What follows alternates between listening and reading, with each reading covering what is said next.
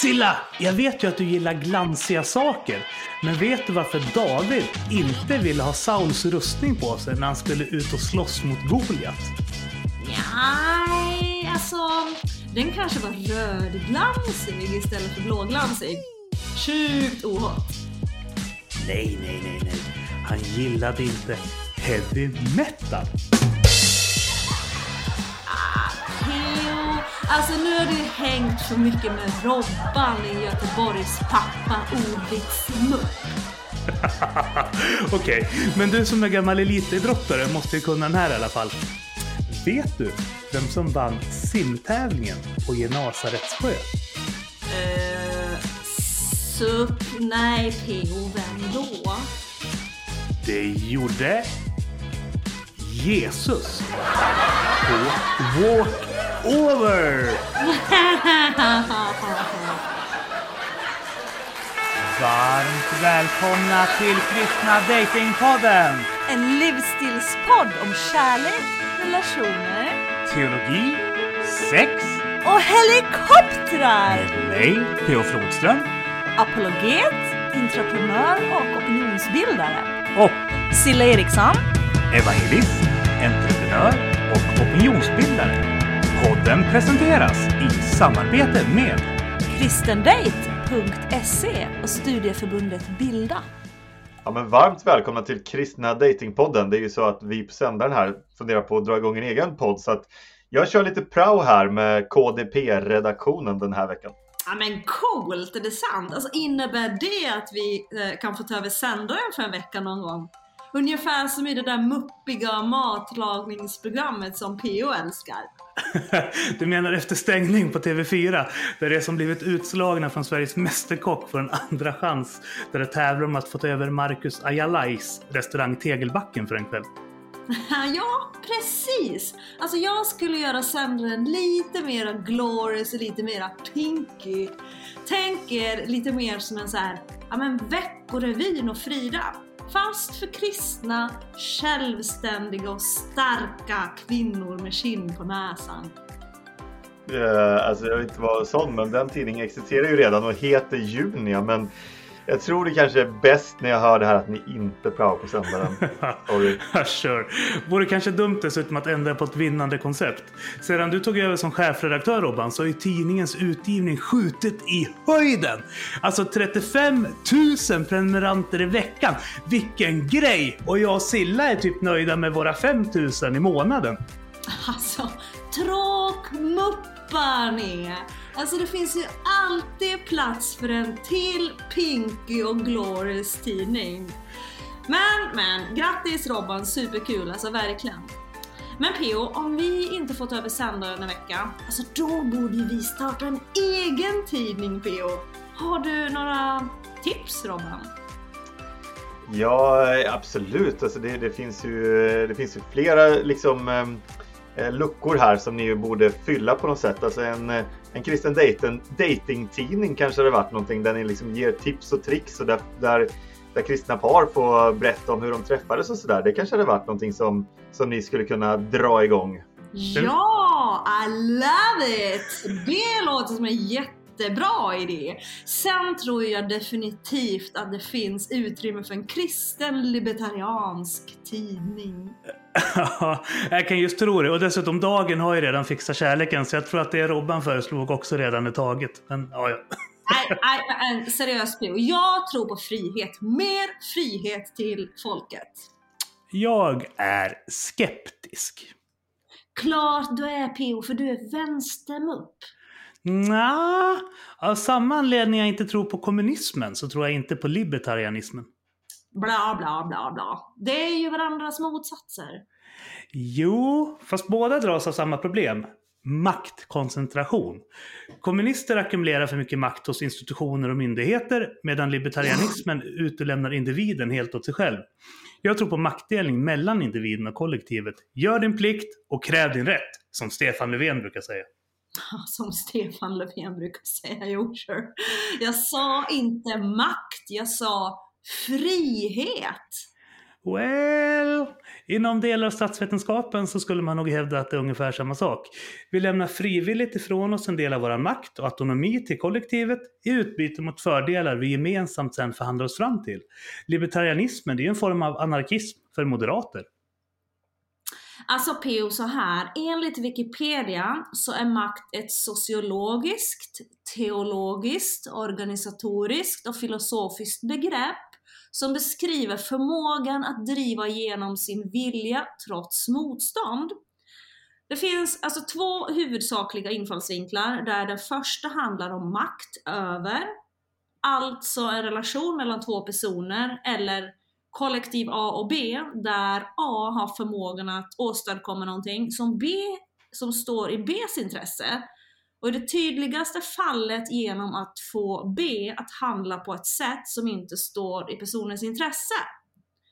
Och den andra tolkningen tar sikte på makt som förmåga till. Alltså den egenskap som gör att en person kan uppnå det han eller hon strävar efter.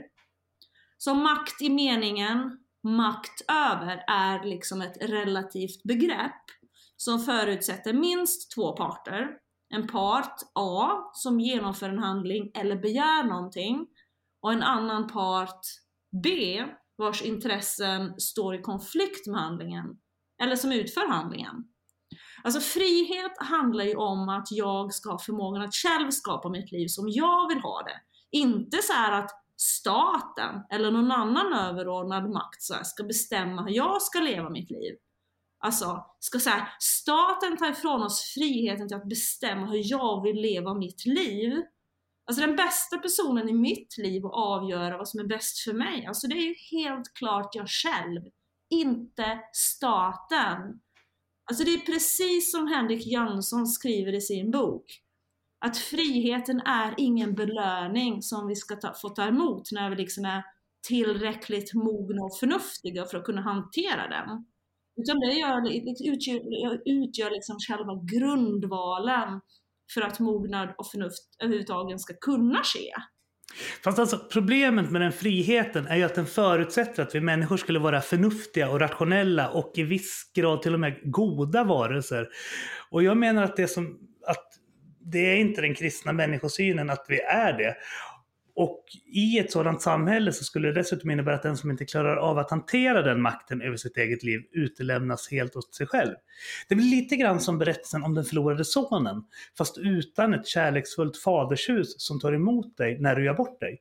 Libertarianismen innebär att vi blir helt och hållet utlämnade åt oss själva och i viss grad civilsamhället, om det finns.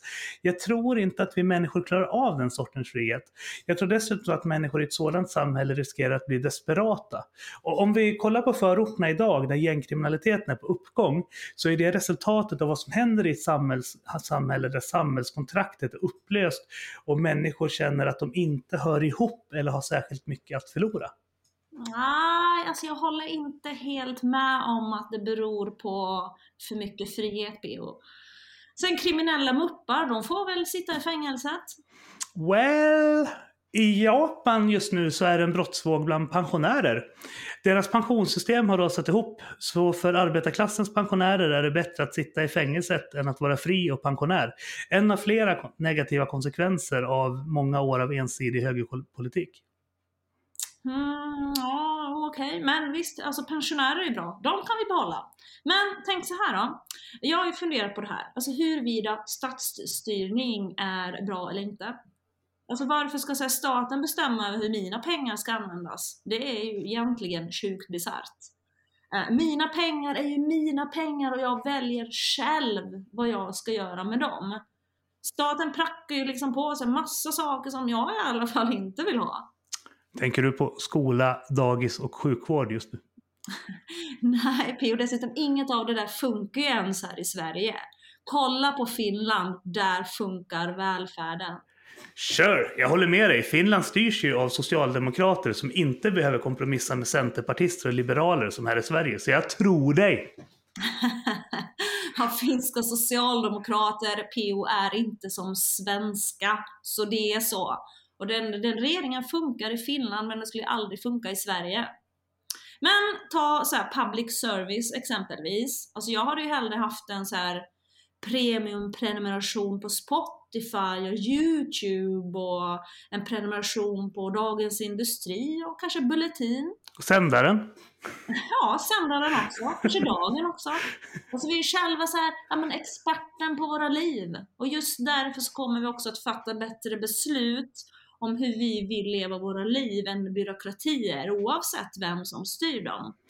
I frågan kring public service håller jag faktiskt med dig. För jag ser på public service som en rest från det förgångna. Och jag tror att vi borde slimma ner den så som man gjorde i England med BBC. Eh, för det finns ingen som helst vettig anledning till att Melodifestivalen, P3 och Robinson inte skulle vara reklamfinansierat, ungefär som TV4. Men eh, Robban, du är både kommunikatör och mediamogul, så jag skulle vilja höra vad dina tankar är kring det här ämnet. Ja, mediemogul vet jag väl kanske inte om jag är riktigt än, men 38 000 läsare i alla fall. Eh, alltså public service är ju, det är ju en intressant fråga. Jag håller nog med dig lite där om att det kanske bör gå samma väg som man har gjort i, i England, att man slimmar ner det och att det får fokusera på de sakerna som faktiskt är viktiga att vi har helt oberoende. Eh, till exempel då nyhetsbevakning och så vidare. Sen kan man diskutera hur oberoende det är och jag antar att du har lite tankar kring det Silla i det sammanhanget. Men jag tror som, som grundtanke är det bra att man inte har kanaler som drivs av till exempel som i USA Fox eh, där man har liksom stora starka ekonomiska eh, aktörer som, som, som på ett eller annat sätt liksom har en egen agenda. Eh, när public service funkar som det ska fungera och som det ofta kanske faktiskt också fungerar eh, så har vi liksom ändå en oberoende nyhetsgranskning eh, eh som inte är beroende av enskilda aktörer. Eh, det är när det funkar som det ska göra och då tycker jag att public service har en roll att fylla. Mm, ja, jag är ju skeptisk. Jag tycker inte att, våra skatt, att vi ska finansiera det här med våra skattepengar. Det tycker inte jag känns helt korrekt faktiskt. Nej, det, kan, det, det, det, är en annan diskussion i och för sig hur det ska mm. finansieras och på vilka sätt det ska finansieras. Men men som public service som idé, det finns, eh, det finns goda tankar med det. Det finns också någon form av, av jämlikhetsidé. Att eh, om, om vi skulle ta bort public service idag, då är det ju fast i händerna på eh, 400 spänn i månaden hos Viaplay eller Netflix eller liknande. Men jag tror att det är lite självutplånande också för att, för att folk drar ju sig undan mer och mer från SVT och de här kanalerna till förmån för de här internationella aktörerna. Så att, vi får se om, om ett par år om vi kommer sakna public service eller inte, som det var. Jag tror att vi kommer göra det mer än vi tror. Mm. Och då säger jag det här utifrån att jag är ju själv också väldigt mån om att public service behöver konkurrens och att man får inte konkurrera med privata aktörer, till exempel som det du nämnde där, eh, Pio med Melodifestivalen till exempel. Det, det, känns som en, som en sån sak som, det bör inte ligga liksom i en public service-kanal utan där, där eh, passar det ju bra liksom i, en, eh, i, i andra eh, aktörers utbud. Ja, ja. Jag tror i alla fall mm. på ett samhälle som präglas av mera frihet, att det faktiskt blir ett rikare samhälle på väldigt många olika sätt. När statsmakten så här ska gå in och liksom peta för mycket i folks fria vilja med syftet att så här, ja, men omfördela resurser så blir inte liksom kakan mer jämlikt fördelad. Den blir mer, alltså mindre för alla. När staten går in och styr för mycket så förlorar vi också väldigt mycket. Alltså jag, jag tror att det så hämmar väldigt mycket liksom kreativitet och företagsamhet och liksom nya idéer och så. Jag tror att all politik är en pågående omförhandling mellan olika gruppers motstridiga intressen. Vilket är skälet till att jag avfärdar alla ytterkantsideologier där libertarianismen ingår. För mig är den ungefär som kommunism, att man tar en ytterkantsposition inom politiken. Men jag tror att vi måste forma en politik som utgår ifrån flera olika värdepositioner. Eftersom just människor är så olika, som liberaler beskriver eh, på många sätt och vis. Samtidigt som jag tror att vi behöver även många av de aspekter som socialismen och konservatismen talar om för att bygga ett helt, eller ett så bra samhälle som möjligt. För jag tror inte vi kan bygga ett optimalt samhälle. Jag tror att det ligger i den mänskliga naturen att vi alltid kommer att misslyckas i någon aspekt. Men på min YouTube-kanal kan ni för övrigt se en intressant debatt som jag och Martin Hårsmar anordnade mellan Robert Mattiasson från Kommunistiska partiet, Stickan Ljunggren som är oberoende socialdemokrat och Mattias Svensson på magasinet Neo. Han är numera krönikör på Aftonbladet eh, och i likhet med Jönsson är han libertarian. Och där diskuterar de de här frågorna på ett ganska kul sätt. Mm, intressant. Vad, vad är din Youtube-kanal? Jag, jag, tror också på en politik som befinner sig på, på vägen på något sätt och undviker dikeskörning. Det skulle vara kul att kolla på den. Pennys kultursällskap? alltså, ah, ja, det är Pennys kultursällskap menar du? Ja, jag förstår. Jag tror du hade något annat, någon egen privat variant. ja, nej då. Givetvis. Men alltså vad, vad säger egentligen Bibeln om politik egentligen? Vet du PO det? Ja, den säger ingenting om dagens ideologier. Därför blir jag ju sjukt provocerad när högern och vänstern försöker lägga sina egna ideologiska raster på Jesus. Jesus var vare sig socialist, liberal eller konservativ. Och att påstå det är att bryta mot andra budet. Mm, ja, alltså det är ju i och för sig sant. Samtidigt så övertygade ju Stefan Gustafsson mig på senaste Bild och Sand om att det definitivt är glorious att som kristen engagera sig politiskt. Det finns ju en del så här inom EFK i alla fall som är ytterst kritiska till det. Men alltså jag är helt på Stefan Gustafssons sida i den här frågan. Alltså det är lite intressant eh, just den här tanken. Jag kommer ju då från eh, kyrkan hållet och särskilt i missionsförbundet så har det ju liksom varit nästan legio att man ska engagera sig politiskt. Eh, och det har ju inte varit så att alla har engagerat sig i ett och samma parti, men vi har ju en stark tradition av många liberaler, en del socialdemokrater, finns ju idag finns ju i alla partier nästan. Det finns i Kristdemokraterna och, och Moderaterna också ehm, kyrkliga som engagerar sig. Så att jag tror att det viktiga är att man kanske tar till sig det här att ja, men ska vi göra någonting för eh, så som Jesus gjorde så är det att engagera sig för samhället. Och då är ju ett sätt faktiskt att, att på något sätt engagera sig politiskt för att förändra det, det samhälle man lever i. Ja, men jag är helt enig med er båda. För jag tror också att vi som kristna bör engagera oss i att finnas över hela den politiska kartan. Kanske inte i Nordiska motståndsrörelsen, men, men, men för övrigt. Eh, och viktigt tror jag dock att komma ihåg att det finns mer än ett rätt sätt att lösa ett problem på. Risken med politik är att vi blir enfaldiga. När jag jobbade som politisk sekreterare för Vänsterpartiet så blev politiken väldigt binär för mig. Och det tog många år innan jag återfick nyansseendet. Så det tror jag är en utmaning med politiskt engagemang oavsett vilket parti du engagerar dig i. Ja, det är, det är en bra, bra poäng du har eh, P.O. Jag kan också se att det är många kristna som på, på ett sätt eh, så att säga blir ovänner med varandra för att man engagerar sig på, i olika politiska Eh, eh, falanger då och det är ju ganska tråkigt. Jag tror att egentligen så vill man ungefär samma sak och det är ju så att säga med Jesus som exempel göra samhället bättre. Så skulle man istället kunna på något sätt hitta någon form av eh, gemensam playground för det här och diskutera politik utan att det blir någon form av clinch för att man representerar ett parti utan snarare för att man representerar sin, sina kristna värderingar så skulle det bli en, en ganska spännande diskussion bland kristna. Hmm. Men alltså om jag har fattat det rätt då, ingen av er tycker liksom så att det är självklart för kristna att engagera sig i Kristdemokraterna som kristen då? Nej, det skulle, det skulle jag inte säga. Jag tillhör de som är väldigt kritiska mot den här kodenormen för att jag tycker att det blir att sätta upp irrationella murar för människor som söker gemenskap med oss inom frikyrkan. Eh, och, så, kristdemokratin som sådan internationellt har ju mycket bra. Alltså så här, det var ju ett försök att bygga en politik som förenar vad det identifieras som godbitar i både liberalismen och konservatismen och socialismen. Och det här var ju efter andra världskriget då när kommunismen och eh, nationalsocialismen hade ut, utspelat ett långt krig. Så.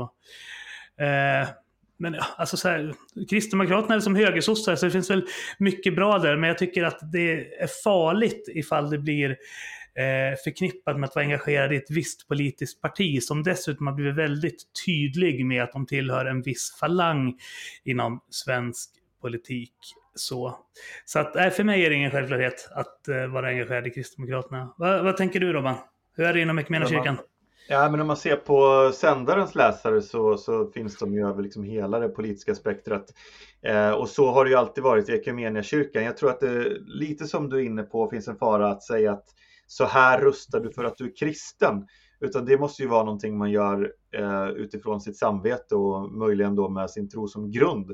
Det tror jag att, att alla gör, att man på något sätt med sin övertygelse går in och röstar på det partiet som man tycker på något sätt eh, korrelerar mest med det man själv vill uppnå med samhällsbygget.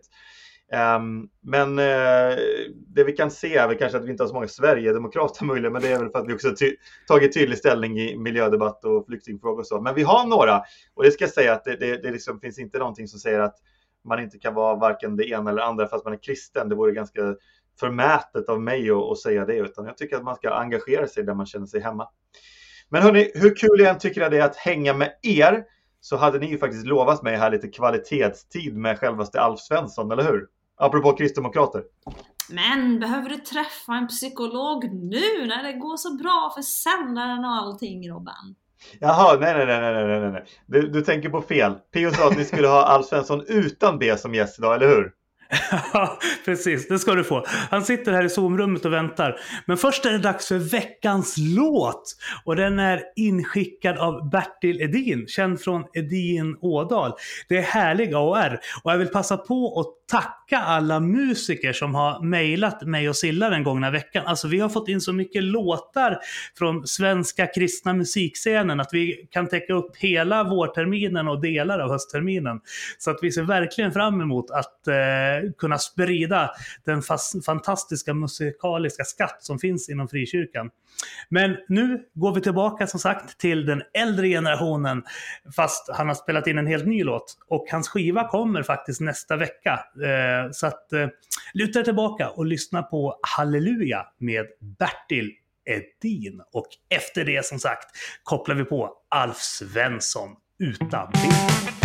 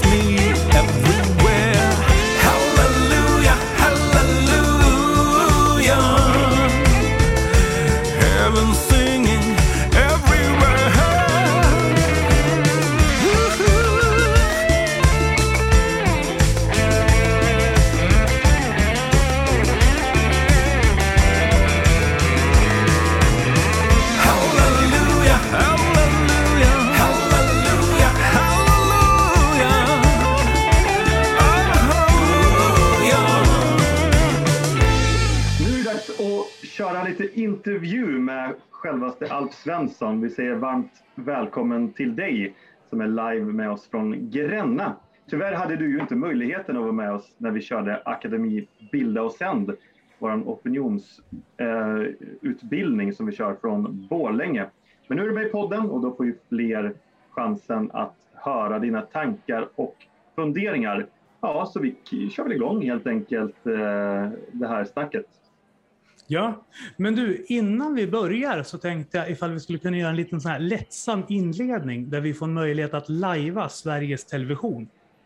Fast en lite mera glorious version av det hela såklart. Ja, absolut. Och jag tror att eh, Alf kommer att känna igen upplägget. Jag blir lite nyfiken här. Vad, vad är det för upplägg som ni har hittat på här nu? Robban, sit back, relax and let the magic happen. Okej Alf, du kommer nu att få sju stycken snabba frågor där du får välja mellan två stycken alternativ. Jag hoppas du har sett 30 minuter SVT. Det här är ungefär samma sak, fast som Silla sa, lite mera glorious alternativ. Yes, och då kör vi igång med första här nu då. Levi Petrus eller John Ångman? John Ångman, så jag får säga Levi Petrus. Det kanske jag har gjort även om jag har känt John Ångman, men det vet jag inte. Yes. Jag hade ju sparat John Ångman på grund av hans skägg, vill jag bara ha till... Eh... och, och, på tal om skägg, Alf. Vem väljer du mellan Peter Halldorf, Halldorf och Andreas Nilsson? Mm. Peter Halldorf. Ja. ja. Ja, just det. Jag, blev så, jag bara tänkte på skäggen där. Men alltså, jag, jag, känner, det, jag känner bara lite så här. När ni, nu är ni liksom lite för eh, moderna. Så här, när man kommer från mitt håll, liksom, då är man ju mer inne på Rosenius eller Waldenström. Så jag, jag hakar i den där lite. Alf, nu får du två riktiga tungviktar att välja mellan här. Fall. Vem skulle du ha haft det roligast med? Vem sa du Waldenström och? Rosenius. Ja, jag tycker det här är väldigt svårt. Men eh, jag säger Rosenius. Mm. Ja, då, blir det, då, då, har vi en liten uppförsbacke, men eh, det är som det är. Nej, men nu, nu, nu, nu, tycker jag vi är klara med de här gamla skäggiga gubbarna. Hörni. Uh, nu, nu provar vi någonting lite mer glorious då. Okej okay, Alf, uh, The Message eller King James? Vad väljer du? Vad sa du en gång till? Uh, The Message eller King James?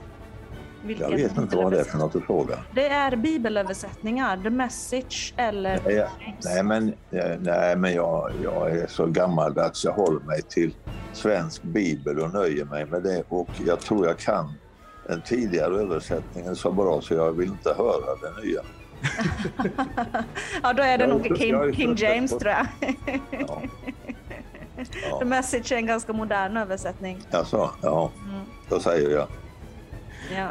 Men någonting som kanske är lite mer up your alley för jag vet ju att du är väldigt musikintresserad. Jag har bland annat sett eh, när du spelar saxofon på eh, dagens Youtube-kanal.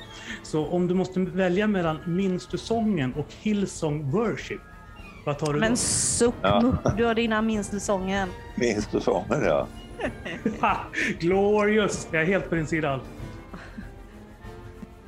Yes, då går vi över till fråga 6 då. Och då ska vi gå in på lite midsommarkonferenser här. Vad föredrar du? Torpkonferensen eller Nyhemskonferensen? Ja, jag har varit på väldigt många Nyhemsveckor, Nyhemskonferenser och jag har varit på Torps konferens en gång. Mm. Och då var jag där som biståndsminister och det tyckte jag väldigt fascinerande Därför att min pappa utgick också ifrån Götabro mm. eh, 1928. Så jag, jag, jag, var glad över att få komma dit en gång. Men annars är det ju Nyhemsveckan jag känner. Och det mm. stora där, det var att få höra duettsång av Einar Ekberg och Einar Wärme. Mm. Och gärna en predikan av Levi Petrus. Mm. Mm. mm. Häftigt. Ja. Eh, jag tycker eh, att ni glömde en konferens här nu, eh, Hörnkonferensen såklart. Och då hade man ju kunnat, kunnat få lite mer utmaning till EM. Så jag slänger väl in då i den här sista frågan så har ju de här eh, klassiska pingstvännerna som vi ser här bredvid oss allt, ehm, skrivit dagen eller världen idag. Men jag lägger ju naturligtvis till sändaren så att det ska bli ett självklart val för dig. Jag tar båda på en gång, de är inte så tjocka. alla tre, alla tre. Ja, Alla bra. tre. Det är bra. Det är bra allt. Du, eh, jag tänker vi hoppar över till lite eh, tankar eh, kring... Nu, nu har vi ju ett val som stundar. Eh, I Equmeniakyrkan så förbereder vi ju en, eh, ett stort eh, valutfrågning här i augusti och, och sådär.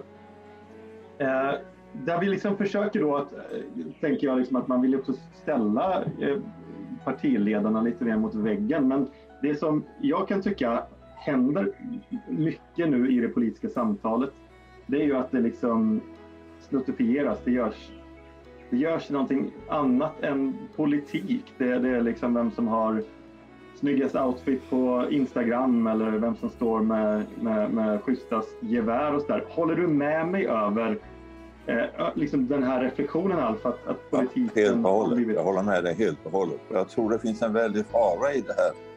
Att eh, politiken blir så ytlig och populistisk eh, så att folk är betydelsefulla som är intresserade av politik, de tappar intresset. Eh, Jag begär inte att alla ska vara intresserade av politik men vi måste ändå ha med oss en majoritet av befolkningen som bryr sig om politiken och inte så att det blir ett litet gäng vid sidan om verkligheten som sitter och kastar på varandra. Mm. Eh, Men man får skylla sig själv om förtroendet för politik och politiker eh, urvattnas eller blir lite snett om man allt för mycket håller på med one-liners och en massa spekulativa historier. Hur ska man komma ur det här då? För liksom, det verkar ju inte vara så enkelt heller för att det verkar ju vara viktigt att få många följare och så vidare och, och liksom att synas i, i sociala medier och olika kanaler.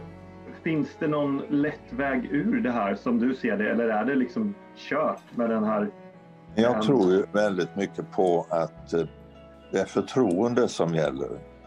Och tror man att man kan skapa förtroende via Facebook, så försök då. Men eh, jag tror att väldigt mycket utav det som behövs, det är det personliga mötet. Mm. Precis som det är i gudstjänster. Det går an ett tag att eh, eh, sitta och titta på, men man vill känna sig berörd och det gör man i det personliga mötet. Mm. Det finns en väldig fara om man tittar på politiken nu, valrörelser, så är partiledarna fokuserade vid att vara i Stockholm för där finns tv-kamerorna Mm. och där finns eh, möjligheten att haka på och finnas med i debatter. Eh, Förr var det ju så att det var ett väldigt kringflackande och det var naturligtvis krävande och det gav inte alltid, eh, ja det gav inte så mycket publicity kanske, men på sikt så skapades det förtroende för politikern. För det spred sig, honom kan man lita på, henne kan man lita på. Han har sått vid de här åsikterna även tidigare och etc. etc. Men när du liksom byggde det här förtroendet ute i bygderna, eh, det var inte riktigt lika på samma sätt heller att man fick svar direkt genom eh, eh, opinionsundersökningar och, och gallups och, och allt, allt vad det heter. Eller var det det? det kanske, Nej, det var det inte. Det är lättare att springa på det här att man ska vara eh, ständigt på Facebook naturligtvis nu när Facebook finns. Eh, Det var inte på min tid, men det finns ändå en, en stor fara tror jag att allt Mm. blir, för, inte allt, men mycket blir för ytligat. Mm. Eh, Och det gör det också, förlåt att jag säger det, men det gör det också bland predikanter och pastorer. Mm. Alltså man söker en one-liner för då kommer man med i alla de här tidningarna som vi talade om tidigare och får en rubrik. Och så Mm. känns det behagfullt för den eh, mm, förkunnaren eller förkun ja, förkunnaren. Eh, I varje fall den förmiddagen. Men var det något nytt? Var det något som fastnade? ja, men det, det viktiga är ju ändå att människor får känna att man bryr sig om deras situation och Mm. vill förändra eller förbättra den. Eh, och det går i regel inte med några få meningar på Facebook fulla av uppkäftighet mot någon som också sysslar med politik men kanske ser det i, i ett annat perspektiv eller från ett annat utgångsläge. Mm. Eh, några frågor till här bara innan jag släpper in eh, mina vänner här. Men Eh, men va, va, hur ser du på KDs roll i politiken Eh, idag inför valet 2022? Jag vet att du har ju varit lite kritisk till vissa svängningar inom partiet, men finns det fortfarande en, en tydlig roll att spela för Kristdemokraterna 2022? Ja, varje parti måste ha unika argument. Och eh, de måste finnas i så att säga den politiska, eller på den politiska agendan. Vi behöver ju inte tre eller fyra eller fem partier på ena sidan och tre, fyra, fem partier på den andra om man nu har en skiljelinje, vilket ju ofta framställs. Eh, mm. Och, och, jag menar ju alltså att om inte ett parti har sina unika argument utan går ut i en valrörelse med ett blött finger och ser var vinden kommer ifrån eller vart den går, då är man fel ute. Och för Kristdemokraterna så handlar det om värderingar. Det handlar om att försöka så gott man begriper och kan, väl medveten om att man inte når ända fram, så handlar det om just kristen etik. Så om Ebba Busch skulle ringa dig här i, i, ikväll och fråga liksom Alf, vad ska jag göra för att, för att, att få rätt väljare här nu inför valet? Vad skulle du säga till henne då? Vilka liksom frågor skulle du säga? Kör på de här. Ja, jag tycker för min del att i nuvarande situation i vårt land så handlar det om att bry sig om barnen och ungdomarna. Det är familjepolitik och skolpolitik som är absolut det centrala. För om inte vi får trygga barn att växa upp eh, eh, och det beror ju väldigt mycket på familj och skola, då får vi heller aldrig något tryggt samhälle. Vi kan inte ha politiker som bara talar om procent av elpriser eller eh, bensin och dieselpriser. Nog så viktigt naturligtvis, det begriper jag också. Men det handlar om att vi har allt för många ungdomar som lider av psykisk ohälsa. Och vad gör vi åt det? Och det för ju in mig lite grann på min fråga. De som var med på Bilda och sänd förra gången eh, minns ju att Stefan Gustafsson från Svenska Evangeliska Alliansen och Apologia Centrum för kristen apologetik pratade med oss om hur han såg det som att det låg i den kristna sändningen till sin omvärld och omgivning att använda sin kristna livsåskådning och sina kristna värderingar att gå ut och göra samhället bättre. Och jag såg den här dokumentären med dig på SVT Alf som handlar lite grann om hur ja, men historien bakom att den svenska kristdemokratin bildades. Eh, men de som inte har varit eh, smarta nog att signa upp till Bilda och Sänd och hört Stefan Gustafssons föreläsning eller sett din dokumentär på SVT. Kan inte du berätta lite grann om hur tänkte du som ung pingstvän när du tänkte att Nej, men det här med partipolitik, det är nog någonting jag som pingstvän ska hålla på med? Ja, jag tänkte inte så utan det bara blev så får jag säga. Men det går inte att förstå det om inte man känner hur det var på 60-talet i Sverige. Då skulle värderingar bort. Då attackerades familjen. Då attackerades kristet tänkande överhuvudtaget. Det var inte bara Hedenius utan då, skolan skulle ju rensa ut eh, allt vad värderingar hette. Man talade till och med om en etiskt neutral eller objektiv skola. Och jag var helt övertygad om, som ung ivrig agitator, att man kan inte ha ett vakuum och bygga ett samhälle på eller bygga utifrån. Eh, så därför var det ganska självklart för mig att jag intresserade mig för kristdemokratin. Eh, och sen kan man säga att jag var okunnig i mångt och mycket och det var väl mycket utav känsla och engagemang som drev. Men under mina Lundaår så var det ständiga debatter med trotskister och maoister och leninister. Och när jag kom ut som lärare så hade jag elever, ofta de mycket duktiga, eh, som träffades varje vecka och studerade Mao Zedong, eh, eh, den lilla röda. Och jag tänkte att det här kommer inte att gå. Vi måste ha in förlåtelsens kultur. Vi måste ha in det Jesus stod för, för att uttrycka det enkelt. Eh, och, och, det var inte bara på vägen mellan den ena eller andra orten som han menade vi skulle följa honom utan det var naturligtvis i hans inställning till medmänniskor. Jag ser att Silla räcker upp handen, men jag ska bara komma med en kort reflektion. Eller kliar du dig? Det är svårt att veta. Ja, nej, nej, jag gör, nej, kör du. Jag kliar mig bara. nej, men, för, för, för, en kort reflektion där Alf, är ju att eh, jag, Joel Halldorf, vi pratade om Peter Halldorf tidigare. Joel Halldorf har ju skrivit en krönika som handlade om att den svenska offentligheten behöll domen och avskaffade nåden. Men när jag tänker att göra politik av nåd, för mig blir det någonstans okej, okay, men då måste vi jobba mycket med att ha en välfärd som är finmaskig och att det måste finnas utrymme för att människor misslyckas och kommer igen. Alltså väldigt mycket ett parti med socialt patos så. Ja. Och jag kommer ihåg att, eller jag kommer inte ihåg det för jag var inte född då. Du kommer ihåg det däremot.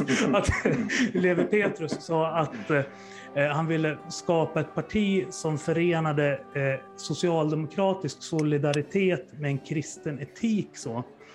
Eh, samtidigt som jag uppfattar att idag, eh, och sen det här är min värdering så du får ju säga emot såklart, men jag uppfattar att dagens höger kanske snarare pratar mer om lite så tuffare tag och fler poliser och eh, stäng gränserna och sådär. Och jag säger inte att det behöver finnas en motsättning, men jag tänker just kring tonaliteten mellan höger och vänster så uppfattar i alla fall jag ofta att vänstern pratar lite mer om de här mjuka frågorna som du som verkar ha varit avgörande i ditt politiska engagemang. Så. Medan högern kanske mer pratar om lite hårdare frågor. Så. Men ja, vad är din reflektion? Ja, man kan säga att, att partierna flyttar ju sig eh, och det gäller ju faktiskt samtliga partier. Det Olof Palme stod för eh, med frenesi, det tror jag inte man märker så väldigt mycket av alla gånger. Eh, och det Boman förkunnade märker man väl kanske inte heller så väldigt många gånger. Men det är inget svar på frågan utan jag, jag menar ju just att det sociala ansvaret måste finnas hos ett parti som kallar sig kristdemokratiskt. Och egentligen så är det detta som eh, CDU har visat. Eh, man har aldrig, aldrig förstått, ser du, att det finns en vänsterflank och man kan då kalla en högerflank, även om inte de gillar de begreppen. Så när Merkel fick frågan vad är det som skiljer ert parti från övriga partier i Tyskland så sa hon ju att ja, det är C1, Christliche Demokratische Union. Alltså det är C. Och har man inte den inriktningen att det är på den punkten vi försöker stå fram och vara ett alternativ i all bristfällighet. För vi når ju aldrig ända fram och det blir, människan är ju en ändlig varelse och, och står inte för det som är perfekt eller fullkomligt. Men det är ändå den vinklingen som måste finnas med. Därför menar jag att alla Sveriges partier måste se upp när man talar om immigration. Man måste se upp när man talar om välfärd. Eh, man kan inte bara rikta sig till de grupper som är stora och starka när det gäller röstande utan man måste se den lilla människan. Och man kan då faktiskt också räkna med att få ett visst förtroende som i längden bär. Jag fick in där med eh, bara en övergång där du sa lilla människan. Nu, nu är vi ju naturligtvis inne på mycket frågor om politik. Men det är en annan fråga som jag tycker är lite intressant också utifrån när jag såg eh, dokumentären om dig. Ehm, då, då inleder du egentligen hela dokumentären med att säga att du, hade en, eller du är väldigt glad över din barndom. Ja. Eh, uppvuxen med, med en pappa som var pingstpastor. och, och, det liksom, jag tänkte på det nu med den här dokumentären, jag vet inte om du har sett den, men den här Gud som haver barnen kär, där, där det då är en del före detta barn får man ju säga då, som har vuxit upp och så Eh, Eh, är de väldigt ehm, ja, ledsna över sin barndom som ju på ett sätt kanske liknar egentligen din barndom. Men vad är det som gör att, att det för dig blev liksom på något sätt grunden för hela ditt liv eh, och att det för andra har blivit så hårt? Det skulle vara intressant bara att höra just det som du öppnade också dokumentären så tydligt med att du är så väldigt glad över din barndom. Ja, vi var fyra barn som alla födda på Pingstkapell. eh, alltså hemma. Och pappa kom ifrån ganska, eller mycket tuffa barndomsförhållanden själv. Och jag, jag tror att det påverkade honom. Han har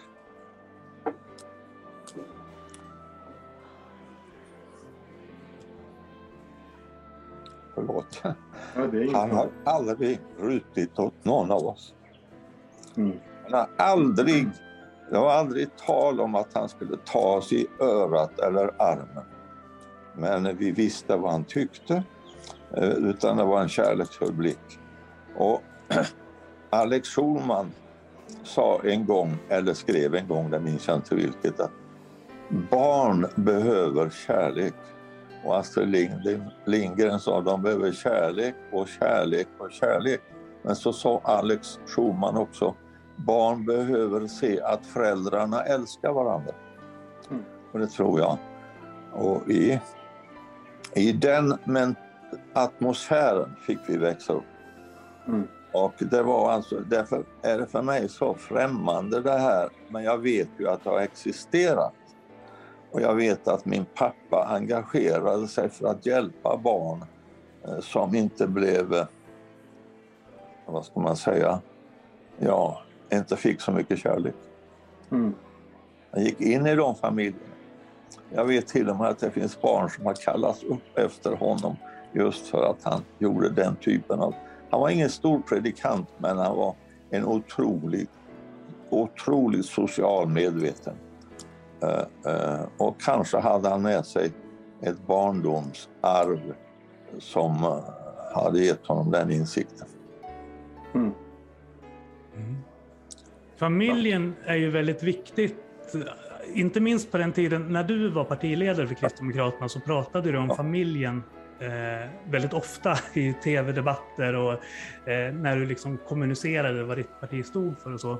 Eh, och eh, det har du lite gemensamt med Silla för att hon bedriver mycket opinionsbildning som just handlar om hur Sverige är ett ensamt land och där hon har efterfrågat hur vi kan göra Sverige lite mindre ensamt. Så jag tänkte Silla, det kanske är läge att gå in lite grann på dem, det frågeområdet just kring familj och relationer och ensamhet. Och Ja, nej men precis. Nej, men alltså jag tänker relationer är någonting, alltså det är otroligt viktigt och relationer har vi på så väldigt många olika nivåer också. Alltså det är egentligen, alltså det är en otroligt tänker jag, viktig grund i hela för att ett helt samhälle egentligen ska funka. Så mycket bygger vi ju på våra relationer. Eh, så jag har du något liksom så här generellt, vad ska vi säga, råd liksom? Hur, vad är liksom viktigt när man ska bygga relationer med människor? Då tänker jag liksom egentligen eh, på det stora hela liksom. Alla relationer. Det finns olika liksom, olika, det finns en grund där som jag tänker är viktig. Vad är det något speciellt som du tycker att man behöver tänka på liksom, när man ska bygga goda relationer med människor? Jag tycker att det talas alldeles för lite om barns rätt och behov av, behov av anknytning. Ett litet barn, ett, två, tre år gammal, Mm. måste anknyta till en eller två eller högst tre personer. Och det går alltså inte att tro att barnet känner trygghet om det ska anknyta till 12 eller 15. Mm. Det här måste man våga säga, men det vågar knappast någon säga idag. Mm. Och vi vet genom forskning att barnet kan bli otryggt och faktiskt få psykiska problem i tonåren för att barnet inte fick känna någon anknytning under de första åren. Men säg det i ett samhälle där allt är så materialiserat så det handlar om att få människor ut i arbetslivet så fort som möjligt. Då finns det ju de genast som säger, nu sitter han och pläderar för att kvinnor ska tillbaka till hemmet och helst fjättrat vid spisen. Jag blev väldigt besviken över när den typen av argument fördes fram till och med utav statsministern. Det är inte alls Mm. det. Det är inte Mm. alls det. Det är barnet, men vi talar Mm. alldeles för lite om barnen. Vi talar om skaffa barn som det vore en pryd som man skaffar sig. Då istället är den största ynnest och nåd någon människa kan vederfaras. Och sen vet jag ju att alla inte kan få barn. Men, men för den skull så kan man inte förneka att barnet föds behöver känna anknytning. Mm. Sen menar jag ju det här igen att älska barnen och, och intressera sig för barnen. Och, och vi hade en, en valslogan eh, som en, han var förste vice ordförande, eh, en, en eh, mycket duktig lektor i statskunskap. Han, han, han tyckte alltid vi ska ha Vi bryr oss om. Det var den paroll han gillade i alla sammanhang. Vi bryr oss om. Och ska man bygga relationer så måste man se till att man bryr sig om. Mm. Det, det, är inte bara det att ha en ytlig kontakt, utan man måste bry sig som det heter. Eh, och, ja, jag pratar mm. på här men, men jag tror ju väl att familjen har en mm. oerhörd roll. Mm. Eh, och att man ser eh, samhällsproblemen utifrån enmetersperspektivet. Eh, mm. Som någon alltid sa, tänk på de som ligger på en meter i höjd tänk på hur de har det, hur de uppfattar det, hur de ser det. Mm. Och det är klart, får man inte en trygg barndom så tror jag att det blir svårt att, att skaffa sig de många och goda och trygga och fasta relationerna. Ja, men verkligen. Vi har pratat ganska mycket om i podden också. Det är otroligt. Man sätter ju verkligen en så viktig grund de första åren i ens liv. Och samhället har ju verkligen förändrats mycket och man har inte på, på det sättet idag kanske de här nära, liksom, trygga anknytningspersonerna på det sättet. Och det är ju ett väldigt, väldigt stort problem också, en, en konsekvens tror jag av att, att samhället har förändrats väldigt, väldigt snabbt. Och sen är det ju som du säger idag också att man, man på något vis ser idag också att man, man skaffar barn. Jag ser ju inte det så heller att man skaffar barn utan jag ser det mer som att barn är en gåva från Gud och det är ju faktiskt inte så att alla blir ju inte välsignade med den gåvan. Så är det ju. Så att man borde liksom se det där ur ett perspektiv också tycker jag. Men hur, hur, tycker du liksom utifrån det här samhället vi lever i idag? Liksom, hur, hur kan vi liksom bli bättre på att liksom ta hand om våra barn och liksom ge dem en trygg uppväxt liksom, där de har de här nära relationerna som är så otroligt viktiga för oss för att vi ska kunna bygga sunda och bra relationer när vi blir äldre?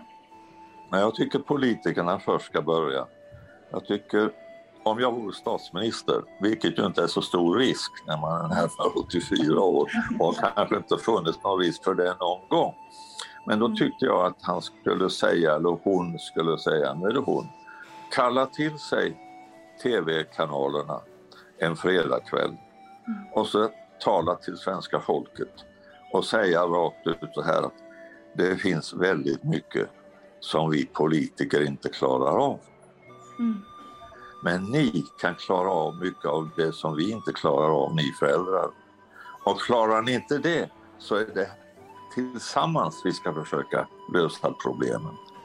Vad har ni era ungdomar ikväll? Ni vet väl det? Ni bryr er väl om vad era 12, 13, 14, 15, 16-åringar gör ikväll? Och så tala varmt och kärleksfullt och säga just detta att vi klarar inte det ni klarar. Alltså dra in föräldraansvaret och dra in familjen eh, på ett positivt sätt. Jag tror att det är nödvändigt för att vi ska skapa ett, ett samhälle där vi kommer undan alla, alla de här skjutningarna och den här kriminaliteten och den här psykiska ohälsan. Nu talar flera, eller ganska många, om att man ska vända alla stenar. Jag vet inte vad det är för metafor egentligen. Det var bättre vi talar till alla de som kan hjälpa oss. Och det är också ungdomsledare, föreningsledare. Sverige har väl aldrig varit så fattigt på föreningar som för närvarande. Mm. När jag växte upp så fanns det föreningar nästan för allting. Man kunde vara med i ett litet samhälle, i en filatelistförening eller en liten musikförening, mm. etc. etc. Mm. Och jag tror också när det kommer till de här liksom sociala problemen som vi ser i vårt samhälle, det är skolskjutningar och det är misshandel och det är liksom allt möjligt som bara eskalerar hela tiden. Jag tror också att väldigt mycket av det bottnar i psykisk ohälsa och liksom framförallt också människor som är ensamma. För ensamheten i Sverige, det är också, vi har ju en ensamhet. Ehm, man brukar prata om att Sverige är ett av världens mest ensamma länder. Eh, och det tror ju inte jag är bra. Det tror jag också är någonting som, som inte är bra för oss människor, för vi är ju gjorda för gemenskap. Och hamnar man i ett sånt läge där man blir väldigt, väldigt ensam, det är ingen som mår bra av det. Och det i sin tur leder till sociala problem, att, att det blir mer våld i samhället och så. Uh, vad tror du att uh, politiken kan göra där? Jag tror att uh, skolan kan spela också en, en mycket mer väsentlig roll än vad skolan. Skolan är ju vilse och det är inte barnens fel utan det är vuxenvärldens fel. Mm. Eh, jag var lärare i tio år men det var under en helt annan epok för skolan. Sen kom ju det här att man skulle knappast tillrättavisa. Ordet fostran var ju nästan eh, omöjligt att använda vare sig för lärare eller politiker. Mm. Och när jag talar om fostran så är det inte någon gammaldags fostran utan det är hjälp att komma till rätta i livet. Mm. Eh, men, men det skulle man ju inte syssla med. Och man skulle ju heller inte ha katederundervisning och kunskapsutlärande, om man kan uttrycka sig så, utan varje elev skulle ju vara sin egen lilla professor som gick till biblioteket och sökte svar på sina frågor och gjorde analys. Och så har vi då allt fler ADHD-barn, för att nu ta en stor grupp. De går nu inkluderade, som det heter, i skolan. Men de får ju uppleva, många av dem, det var ett program på tv här för någon vecka sedan, att de klarar inte. Det är en pojke, han sa det, jag fick tårar i ögonen, han sa det var tre familjer som var med i det här tv-programmet, eller ja, två var väl ensamstående mammor. Och jag får säga, jag hyser en enorm beundran för deras uthållighet som visades i det här tv-programmet. En enorm beundran. Mm. Men så pojken han sa, ja, och så får man streck i det ämnet och streck i det ämnet och streck i alla ämnen. Och då känner man sig oduglig. Det är klart. Mm. Mm. Och det måste vi ju också förstå att många utav de här flyktingpojkarna, det är de det är besvär med i mångt och mycket. De har ju kommit hit och de kan inte på en gång hänga med i skolan. Och så får de streck eller blir underkända. Tänk att gå nio år i en skola och få känna att du klarar det inte, du håller inte måttet. Du måste hoppa 1,50 och du hoppar inte mer än 70 i höjd. Det här duger inte, du blir underkänd, du kommer inte att kunna gå vidare. Undra på att kriminaliteten ligger nära till hands ifrån mm. den miljö och de här upplevelserna för de här pojkarna. Skolan måste ändra sig och se att varje barn kan, jag hetsar visst upp mig, varje barn kan någonting och är unik på något område. Försök att hitta det området och låt vederbörande känna det här gick ju bra, det här klarade du. Grattis! Mm. Ja men Alf, jag håller så med dig i det här. Alltså, jag, jag brinner verkligen så mycket för skolan. Jag tror att det är så otroligt viktigt att ge barn och ungdomar en bra utbildning och att man verkligen satsar på det. Jag håller verkligen med dig att skolan är en så otroligt viktig grund i samhället som man måste Alltså den svenska skolan måste verkligen få ett lyft. Jag är från Finland så jag brukar alltid säga så här att välkommen till Finland på lite studiebesök för att skolan i Finland är ju det, det är en helt annan, helt annan eh, nivå på undervisningen och allting. Så jag tror att där har Sverige faktiskt väldigt mycket att lära av sitt vackra grannland i öster. Faktiskt. Det, det är lite mera auktoritet där än vad det är Mera curry på barnen. Robban ville komma in, sen har jag en reflektion. Alltså, du har en fråga P.O. men jag tänker bara ska, när vi ändå var inne på skolan här och, och, och jag hör ju här att eh, Silla vill gärna att den ska bli lite, ja, ska bli lite mer finsk. Eh, men det handlar väl också, tänker jag, när jag hör dig här Alf, eh, att det, man kanske strävar efter att ge flera möjligheter, att alla inte behöver gå så att säga den traditionella skolan eller att man behöver ta sig igenom fem år på högskolan för att kunna få ett jobb som det är i, i stor utsträckning. Och som också gör att man kanske inte kan välja eh, fler än en karriär. Du, måste liksom, du, du satsar så otroligt mycket i att bli till exempel sjuksköterska säger vi. Så ångrar du dig sen när du har fått jobbet då har du liksom skulder upp över öronen och, och det tar fem år till och, och blir någonting annat. Eh, och det är väl inte heller en, en, en, en eh, superlyckad väg som vi har slagit in på? Absolut inte, men jag tror ändå det är så att eh, just detta att inte komma från nian upp till gymnasiet, det är väldigt tufft för många barn. Att just i de åren efter nian få veta att nu får inte jag läsa vidare, jag kommer inte in, jag har inte betyg som räcker. Och det menar jag att då skulle man kunna sätta in mycket mer resurser till de här så att de klarar att komma in på gymnasiet. Eh, därför att sitter man och har en, eh, ja, lider av ADHD och allt vad de här bokstavskombinationerna heter, så kan man inte behandlas som alla de övriga eller många av de övriga i klassen utan man behöver få särskild undervisning och särskild tillsyn. Eller om man är dyslektiker. Ja. Mm. Eh, vi, vi, kan komma tillbaka till skoldiskussionen sen. Jag kan tänka mig att Silla har mycket mer att säga om just det där ämnet också. Men jag tänkte för att du var inne på det här med att civilsamhället inte längre ser ut så som det gjorde när du var i din prime, ifall man får använda det, det uttrycket. Så. Eh, och, och jag som är kanske, jag vet inte om jag är hälften så gammal som dig. Du är 70, jag är 37. Ja. Eh, jag känner ju också igen det här. Alltså så att, trots att jag bara är, 37. Alltså, jag, jag har ju min bakgrund till stor del inom arbetarrörelsen vid sidan. Pingströrelsen och arbetarrörelsen, det är de två ben jag står på lite grann. Ja. Och, och inom pingströrelsen där upplever jag att vi vi lever och frodas och, och, blomstrar även om vi har problem med att vi förlorar väldigt många av de som växer upp bland oss. Vilket ju bland annat den här dokumentären Gud som haver handlar om. Att en del känner att de inte passar in och får eh, traumatiska upplevelser i en miljö som har gett oss som är kvar en väldigt fast och trygg grund istället.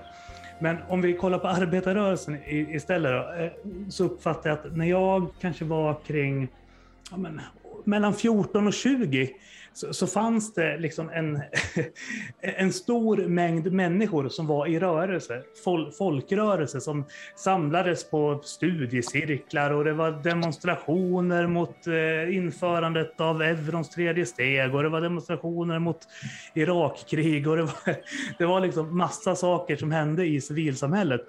Nu 15 år senare så uppfattar jag att hela politiken, även arbetarrörelsen, har blivit professionaliserad. Eh, och att väldigt mycket sker genom olika så här, kampanjnätverk och hashtags i sociala medier. Och ska man gå över till frikyrkovärlden igen så tänker jag att den, den, den del av oss som växer mest, det är Hillsong. Som någonstans är en professionaliserad form av att vara församling. Och jag tänker, du som är en gammal och vis pingstvän, Alf, har, har du några tankar kring det här? Se, ser du de här farorna som jag ser med en ökad professionalisering och känner du igen den här utvecklingen som jag ser i mitt kanske lite kortare perspektiv än vad du har? Och vad tror du att vi kan göra åt den?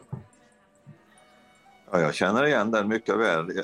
Tills jag fyllde eh, 12 år så bodde vi eh, några år, fyra, fem år var det nu var, fyra kanske, i Hillerstorp. Eh, det ligger i Gnosjö kommun. I Hillerstorp var alla metallarbetare i stort sett. Man hade fabriker varenda vedbord där man tillverkade någonting. Eh, och det var, det var självklart. Och eh, pingströrelsen är ju från början egentligen en vänsterrörelse, enligt mitt sätt att se. Alltså när, eh, och, och, eh, ja, socialt sett också en vänsterrörelse. Eh, det är väl många som inte håller med mig om, men det, jag tror ju det i alla fall. Och, och det, det, var ju mycket mer av, ja för det första kan man säga att familjen hölls väldigt högt bland metallarbetarna. Det skulle vara ordning och reda man tog ansvar för sina barn och för att, var, att de skötte sig och var ordentligt klädda och, och betedde sig korrekt i fotbollsklubben eller var de nu än fanns med. Ja, det var mest bandyklubb på vintern, inte ishockey för där kan man väl inte sköta sig ordentligt. Förlåt. Men, men det här har ju försvunnit i och med att, nej det har inte försvunnit, men det har ju blivit mycket mindre utav den här föreningskänslan och det eh, här uppmärksamheten på vad, det, vad som händer i kvarteren och runt om där man bor. Och det tror jag har med, med mycket av eh, det att göra att familjerna inte längre är den enhet och den sammanhållning som det var i varje fall under min uppväxt. Jag tror under din också. Men eh, hur tänker du eh, när du ser framåt här, den frikyrka som växer fram nu och vilken roll kommer den få i, i framtidens Sverige? Tror du Alf? Det är ju svårt att, att sia men vi har ju vi har ju ett fallande medlemsantal eh, förutom på just de här församlingarna som Pio nämnde med, med Hillsong och några andra internationella pingstförsamlingar som ju växer ganska så starkt. Men vi har ju en stor utmaning här kan man ju säga. Ehm, men vad, vad, vad, tror, vad tror du, eller kanske hoppas du på att frikyrkan ska kunna få spela för roll här? Ja, jag, jag tror inte alls att jag är kompetent till att bedöma det och jag tror inte jag är kompetent till så mycket annat heller faktiskt. Men jag tycker det är väldigt trist att frikyrkorna numera, och det kan ju hända att jag gör en felbedömning, blir mer klubbartade. Man vänder sig inåt och inte alls så mycket utåt som under min uppväxt. Eh, eh, man känner varandra och man träffas och man dricker kaffe och så har man en gudstjänst och så sjunger man lovsånger. Eh, jag höll på att säga i det oändliga och det får man ju inte säga. Men jag tror det, det finns, om jag får säga det ändå, att jag tror det finns, finns en ganska rejäl vägg mellan de som tycker att det här har gått överstyr med lovsångssjungandet och att man sorterar bort strängmusiken förstås, men man har inga blåsorkestrar längre. Eh, man har inte eh, solister eh, som ju stod för en väldigt betydelsefull del av förkunnelsen. Alltså sångsolisten eller duettparet eller kören vad det nu var. Men det är ju borta och lovsången är så vitt jag förstår, den är ju riktad mellan individen och Gud på ett annat sätt än vad Einar Ekberg eller Arthur Eriksson presenterade när de sjöng Så helt förlåter Gud. Alltså det, det gick ju till hjärtat direkt. Jag hör ofta de här sångerna, jag kan nog säga varje kväll så hör jag, hör jag de här sångerna av, av solister när Ekberg sjunger Börja om än en gång i mitt liv och det kan man ju lyssna på när man är snart 84. Men ändå, alltså det finns ett budskap. Eller Arthur Eriksson sjunger just Så helt förlåter Gud. Alltså på något sätt har det här tappats bort tycker jag av frikyrkorörelsen. Eh, och, och, och, man måste tillbaka till det igen, det utåtriktade. Att försam och sen får jag säga också, det verkar som kritik kanske, men det beror väl på att jag inte riktigt kanske borde uttrycka det. Men jag tycker också att det är väldigt svårt att veta numera vad heter kyrkan, vad är det för kyrka man har slagit ihop och så tar man ett nytt namn eh, ifrån orten eller från stadsdelen. Och, och, och, det där har jag varit ute för många gånger utomlands. Jag undrar vad är det här för kyrka? Förr kunde man ju läsa baptistkyrka, metodistkyrka, pingstkyrka, man visste vad det var ungefär. Eh, men nu vet man inte det. Och det tror jag blir... Va? Ja, nej, jag tycker bara det är lite spännande här. Jag, jag funderar på om det finns en koppling, det som händer i frikyrkan, som du ser det, med det här som vi pratade om, som händer i politiken, att det blir en snuttifiering av saker. Är det lite det vi ser i, i kyrkan också? Att man liksom eh, vill att det ska vara mer snabba snabba klipp om man skulle jämföra med den här sociala mediefixeringen i politiken. Att, man, att det ska gå det ska liksom inte vara så mycket motstånd utan det ska gå enkelt och smidigt och lätt men bli lite nästan infantilt kanske till sin eh, natur istället. Eh, finns det någon parallell där, tror du, i samhället? Liksom? Ja, det kanske det gör. Jag vet inte det. Det var du nu som... Ja, jag bara tyckte det var en intressant tanke. Så ja, men, men den är verkligen intressant. Eh, allting ska ju gå så snabbt och, och, och, det ska vara käckt och trevligt och, eh, och tv är ju fullt av flabbprogram tycker jag. Eh, det är inte humor utan det är ju flabbprogram. Och som sagt var, man kan ju lyssna på sånger där en enkel mening upprepas hur många gånger som helst. Och det är väl i och för sig positivt att man hamrar in en mening men det är ju inte något budskap som man bär med sig eh, tankeväckande eh, som det ju är i många utav dem, tycker jag, solosånger eller körsånger. Jag lyssnar också gärna till musiken Närmare Gud till dig. Alltså det, det, det, det ger ju någonting för själen, mycket mer än eh, ja, nej jag får sluta nu här. Jag, jag håller med dig, jag säger bara preach it brother. Jag, varje gång jag ska städa hemma, då sätter jag ju på, jag har gjort en spellista på Youtube med alla min säsongen-avsnitt från säsong 1 till säsong 3. Och sen har de på shuffle medan jag går omkring och städar och plockar. Liksom. Så att jag, jag förstår dig helt och Du hållet. är så nördig PO. Silla har ju för sig alla Hillsong och Bettel-skivor på sin playlist. Så att vi är nörd, Mm. du är ju också nördig fast på ett annat vis. Liksom. Mm, precis. Mm. Men, men så vet vi ju också att det, det blir det är av eh, mycket av övergående karaktär. Det blossar upp och så, jag höll på att säga, blossar ner igen. Eh, jag tror det är väldigt viktigt. Eh, och så ser jag också på eh, polit, vad heter det, partipolitiskt sammanhang att pendeln slår ju. Men eh, rätt vad det är så kommer den loss och slår tillbaka och hittar kanske ett eh, lugnare och mer sansat läge. Eh, Det tror jag gäller politiken och det tror jag gäller också eh, frikyrkorna.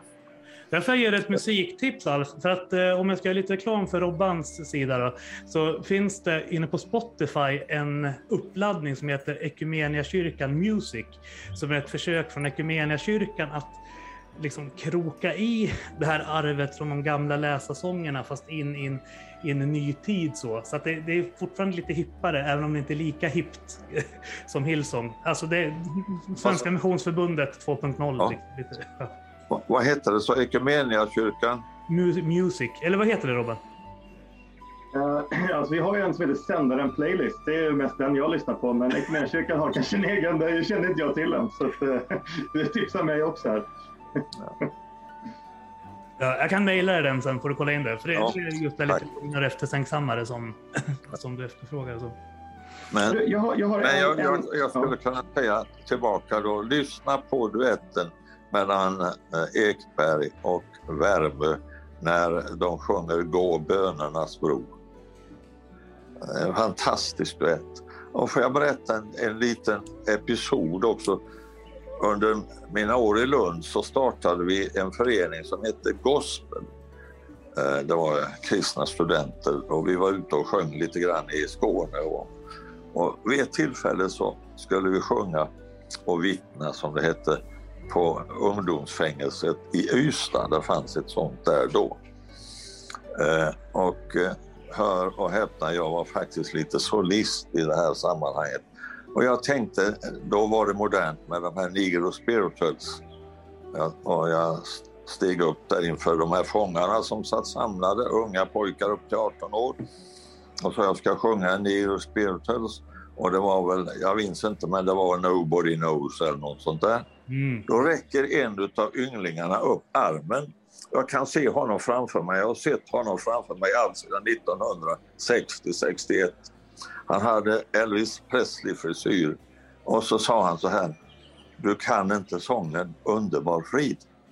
Mm. Det var mycket bra för mig att få höra. Jo, den kunde jag faktiskt. Den har jag hört Einar Wärme sjunga många gånger.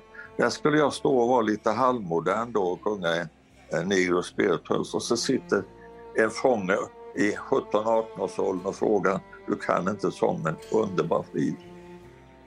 Det var det han, han ville höra. Det är Och ju när vi- synd Robban att vi inte lyckades få Alf att komma upp till Borlänge. Vi hade ju haft värsta minst säsonget-hänget på lunchen där. Ja, verkligen. verkligen. Vi får åka till Gränna någon dag istället. Ja, ja. Ni är välkomna. Vi kan köra eh, varje sommar i Gränna i Equmeniakyrkan där så brukar vi hänga lite. Ja, vi har mycket. Den är med, jag tror att, jag är rädd för att pastorn har sagt upp sig där sägs det, men jag vet inte. Oj, kom en nyhet där också mitt i podden. Det får vi kolla upp. Vad bra, då kan jag passa på att söka Robban. ja, just Jag håller på att söka Ja. pastortjänster nu runt om i hela Mellansverige. Så att, Du, Gränna Equmeniakyrka, de, de behöver en eh, ny pastor där. Alltså för, eller inte, inte han, om han har sagt upp sig vill säga, annars är han jättebra. Så jag menar, det där blev ju dumt. Du känner Men, eh, honom? Ja, jag känner honom lite. Eh, Men, eh, men där skulle det ju behövas lite drag. Det är ett fantastiskt läge på den här kyrkan alltså. Och eh, ja, all välsignelse till det de gör där alltså. Men, men ja, det krävs att man engagerar sig i de här kyrkorna som finns över hela landet, inte bara Gränna. Robban, du hade en fråga. Sen har jag någon fråga också. Sen har Silla några innan vi ska avrunda klockan åtta. Ja, just det. Jag har, jo, jag har ju flera frågor här, men jag ska försöka välja ut en. Nej, men jag tycker så här. Du, har, du sa ju några saker där förut, Alf, som, som lite kanske tangerar det här. Du, har liksom, du, du satt ju där i, i, i riksdagen i hur länge som helst, känns det som. Jag har inte årtalet i huvudet. Eh, det kanske du har, men, men i alla fall, det var ju mycket med familjen som du, som du kämpade för och, och många kring liksom kristna värderingar och så. Men finns det liksom någon insats eller någon någon enskild sak som du känner det här är jag verkligen stolt över eh, under min politiska gärning? Så. Jag tycker det där är lite svårt egentligen för ensam kommer man inte någon vart utan man måste ha med sig eh, ett parti eller en grupp över partigränser eh, för att få igenom. Eh, och jag gillar inte heller riktigt ordet stolt men, men jag är glad över att vi fick igenom att skolan ska vara förankrad i västerländsk humanism och kristen etik. Sen är jag också mycket glad över att vi lyckades till slut få igenom mot vad chefredaktörerna i de stora tidningarna hela tiden sa emot. Och det var att vi skulle kriminalisera innehav av barnpornografi. Mm. Jag kommer ihåg hur Svenska Dagbladet, Dagens Nyheter, kvällstidningarna liksom med förakt talade om att Alf Svensson vill förbjuda det som inte existerar. Ja, det kan väl finnas några få, eh, eh, några få bilder här och var. Och de, jag minns bilden i en av tidningarna där ett barn satt på pottan och så skrev man sådana här bilder vill Alf Svensson förbjuda. Han kommer vilja ha det till att man går in och ger sig på fotoalbum där barn är fotograferade och så vidare. Men det blev förbud. Och efter det har jag inte sett en enda ledare skriva emot det här förbudet. Och jag tror istället att många är väldigt tacksamma för den markeringen. Och, och nu låter det som jag känner lite stolthet att göra kanske. Det får man. det får man. Ja, sen var jag, glad, jag var ju väldigt glad över också att vi lyckades så bra med biståndsmålen. Och eh, det jag var, ville ju bli biståndsminister och människorättsminister. Och det är klart att, att eh, det var väldigt stimulerande att se när man fick igenom bistånd som annars inte hade gått igenom därför att det kanske eh, inte föll alla på läppen. Mm. Och om, om jag som tillhör vänsterblocket ska säga någonting positivt om KD som tillhör högerblocket då, så är det ju att ni verkligen alltid i alla förhandlingar där ni har ingått har stått upp för enprocentsmålen. Eh, och det här kommer lite grann från min fästmö Kristin som jobbar på PMU. Men hon brukar lyfta fram det att Kristdemokraterna de kan vi lita på just när det kommer till det här med att eh, bistånd är viktigt och att känna solidaritet med utvecklingsländerna och att finnas med liksom, som industrination och vara med och bygga upp eh, hela världen. Då. Oh. Ja, jag hoppas man kan göra det fortsättningsvis och gör det fortsättningsvis. Eh, det är också, det gäller fortfarande att det är, eh, man blir lyckligare av att ge än att ta emot. Och vi har ju ett, ett globalt ansvar och det är ju det dystra att nationalismen slår igenom så som den gör, tycker jag, i svensk politik. Och när vi talar om EU, som jag ju är oerhört positiv till, Eh, så förstår jag inte att man inte kan någon gång se det som så att den svenska politiken i EU kan leda till att andra får det bättre som inte har det så bra i, inom EU. Medan vi då kanske inte just vid det beslutet får flytta fram våra positioner. Jag tycker alltså att det behövs mer utav solidaritet och mer utav insikt om att hur beroende vi är varandra. Och har inte andra det bra så har inte vi det bra egentligen. Nu låter du i och för sig mycket mer som ledarsidan på sändaren och dagen än på ledarsidan i världen idag. Så att, utifrån det här valet du fick göra i början av programmet. Robban har ju skrivit artiklar på ledarplats som låter ungefär så som du pratar nu. Han är en klok man. Du är med Alf. du är med. Men innan jag ska släppa över till Silla att ställa de sista frågorna skulle jag bara vilja ställa en sista fråga också. För att jag brinner ju verkligen för det här med församlingsutveckling. det går inte att komma ifrån att någon som har varit partiordförande i över 30 års tid kan det här med hur vi bygger attraktiva gemenskaper och organisationer och sammanhang som människor vill fortsätta att engagera sig i. Så att jag skulle vilja fråga, finns det några av de erfarenheter du som, jag tror att du borde vara den mest erfarna partiledaren i Sverige sett till hur många år du var det. Men finns det något av de erfarenheterna som du skulle kunna överföra till mig som församlingsutvecklare? Tips och tankar och idéer som jag kan ta med mig till församlingsvärlden och visa på att ja, men det här kanske vi skulle pröva som ett sätt att bli en lite mer attraktiv gemenskap som eh, lockar till sig människor och där människor vill vara kvar och stanna kvar och bygga på rörelsen. Ja, det vet jag inte om jag har möjlighet att göra, men, men jag tror det är väldigt viktigt att man får känna delaktighet. Att man inte bara sitter där och ska bli påtrattad eh, det ena efter det andra, utan man får känna delaktighet och att man lyssnar både som pastor och politiker, att eh, man lyssnar på vad folk tycker, vad folk säger, vad för åsikter. Det är ju inte detsamma som att man måste eh, ta hänsyn till alla åsikter men man måste ändå ha lyssnat och för att fatta beslutet kanske eh, själv till slut. Men, men, men alltså, vi är för dåliga och för mycket jagade eh, och, och upptrissade för att ge oss tid att lyssna. Och så skulle jag vilja säga också att ju äldre man blir, PO, desto mer ödmjuk blir man tror jag. Därför att man ser att eh, man ser bara en dels. Och eh, eh, man behöver inse att det är dags att ta ett par steg tillbaka nu och då åsiktsmässigt. Eh, och inte tro att man alltid har upptäckt djuret själv. Ja, det var inte mycket till visdom i detta men men, men alltså jag tycker ibland så finns det, det är lite för magistrala ledarskapstendenser hos pastorer. Men jag tycker det är ganska bra ändå. En av de bästa grejerna jag har hört från en pastor, det var Niklas Pienso som fick frågan om han hade något tips att ge politikerna i valrörelsen 2014. Och då sa han att jag har nog bara egentligen ett råd och det är att komma ihåg att det finns oftast mer än ett rätt svar och mer än en bra lösning på de frågor och utmaningar ja. Mm. Och att man tillstår det och säger Ja, får jag berätta kort att jag minns på slutet av eh, min riksdagsperiod, då kunde man ha föreslagit något och så kom frågan upp och så sa, sa då den som gick emot, från vilket parti det än var, ja, Alf Svenssons förslag här, det är inte lösningen på det här. Och då gick jag ofta upp och sa, nej det tror inte jag heller.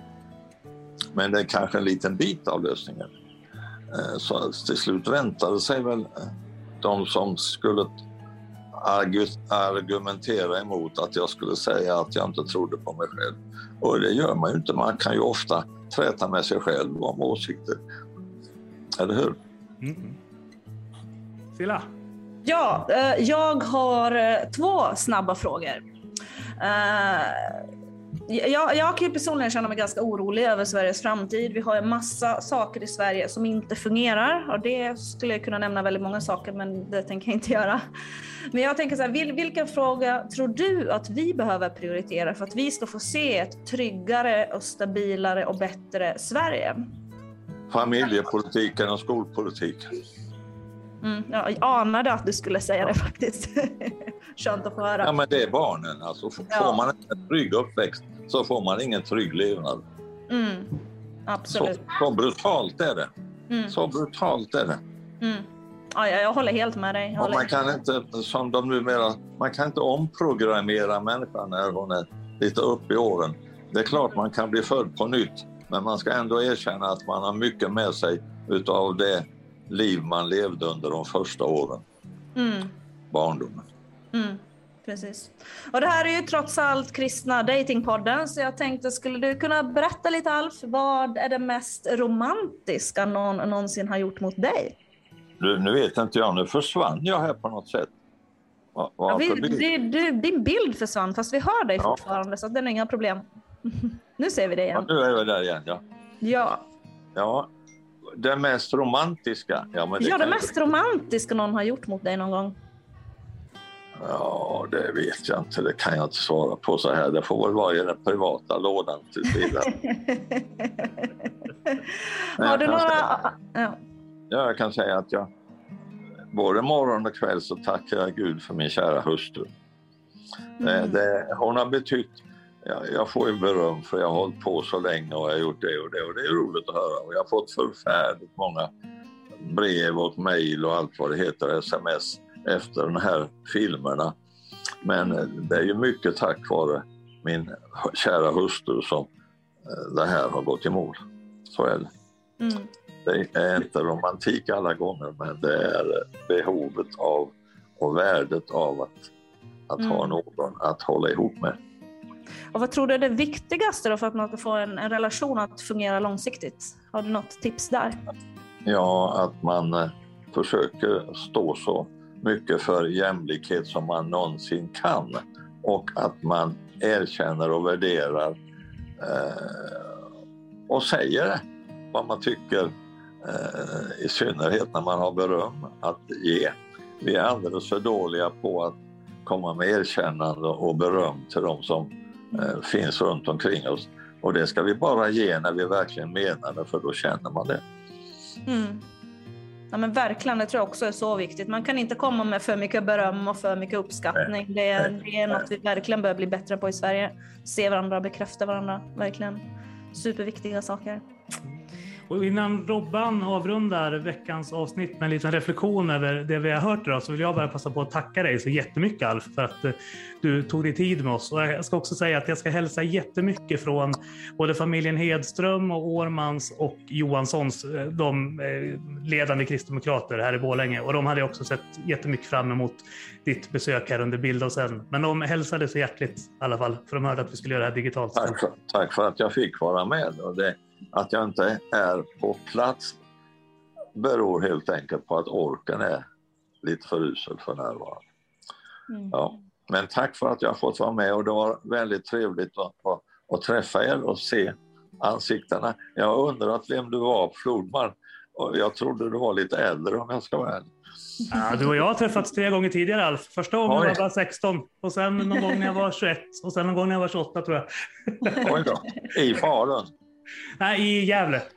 i Gävle. Ja. Jaha, jaha, ja, ja, ja, ja. I Gävle, ja det ser man. Ja. Ja, jag har en syster som bor i, i uh, närheten av Gävle. ja. Och min, min, min förra pastor, Sven-Gunnar Hultman, var engagerad i Ja, just, ja, just det. Ja. Ja, trevligt att träffas så här igen. Ja, Nästa, nästa gång ska jag hälsa Bera uppseendeväckande. Nästa Tack ska ni ha, allesammans. får vi säga. Får vi säga. Ja, det får säga. Nästa gång i. Gränna. Välkomna. Lycka till med skäggodlingen. Jag vet inte om det kan bli så mycket mer än så här, men jag tackar. Du, du får berätta för Cecilia att, att du känner till eh, ifrån litteraturen brunskägg-yvige Ontrus. Vem har skrivit om honom? Silla Oj, ingen aning faktiskt. Runeberg. Jaså? står om brunskägg-yvige Ontrus. Jag kommer att tänka på Ah, just det. Ah, I- det var- i, i Älgskyttarne. Ah, just det. Ja. Mm. Ja, ja, Det det var var en bra, bra, det var en bra dum reflektion. Klipp bort den. Det var en bra avrundning tycker jag på, på ett spännande Absolut. samtal. Eh, jag kan väl eh, sammanfatta det lite med så här att eh, det måste man ju verkligen säga att jag tror att vi alla tre delar den känslan att vi är, vad man än tycker om den politik som, som Kristdemokraterna driver och har drivit så har ju Alf varit en av de mest medmänskliga politiker som, som Sverige har egentligen tagit fram kan man väl säga, särskilt partiledare och hållit fast vid sin linje under så många år. Och det är verkligen någonting som eh, ja, det är imponerande på många, många sätt. Eh, Sen tar jag med mig från det här samtalet egentligen eh, tre ten som jag tror att vi alla skulle kunna ta med oss själva och reflektera över och fundera på hur vi kan applicera i, i våra yrken, i våra roller och, och även kanske som ett medskick från Alf till, till andra politiker som är aktiva idag. Och det är trygghet, tid och tro. Det är ganska bra ord att sammanfatta det här samtalet med. att Trygghet är någonting som vi behöver för att kunna bygga eh, välfungerande samhällen. Saker behöver få ta tid. Det kan ju vara allt från liksom en, en kyrka, att vi inte bara ska köra på det här snabba, utan det, det, kan, det kan vara så att saker behöver få tid för att man ska kunna utvecklas och hitta rätt i sina roller och i sina tankar och sina mönster. Eh, liksom för ett samhälle att man inte bara går på de snabba besluten eller snabba kickarna eller, Eh, eller eh, att bara vara i sociala medier för att få snabb respons utan att man bygger saker över tid. Och sen tro. Och det finns ju många bottnar i det här. Tro på någonting som är större än en själv. Även någonting jag läser i eh, det Alf säger och som jag tror att fler skulle faktiskt behöva eh, ha med sig. Inte bara tro på sig själv utan också tro på någonting som är större än sig själv. Eh, så det är tre, de tre teman som jag tar med mig efter det här väldigt intressanta samtalet med, med Alf. Yes. Men Silla, vill du önska våra lyssnare en... Ja, absolut. Vi avslutar väl som vi brukar PO med att önska alla våra lyssnare en stor puss, Puss och och kram! Stort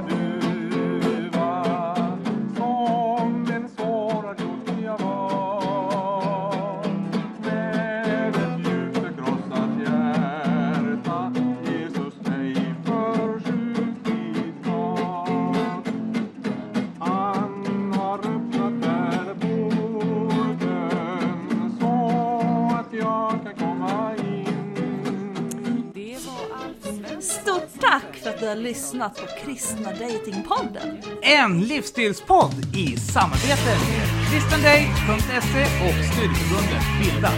Mig, Silla Eriksson och Med mig, Theo Flodström. följ oss på kristendate.podbean.com och Spotify.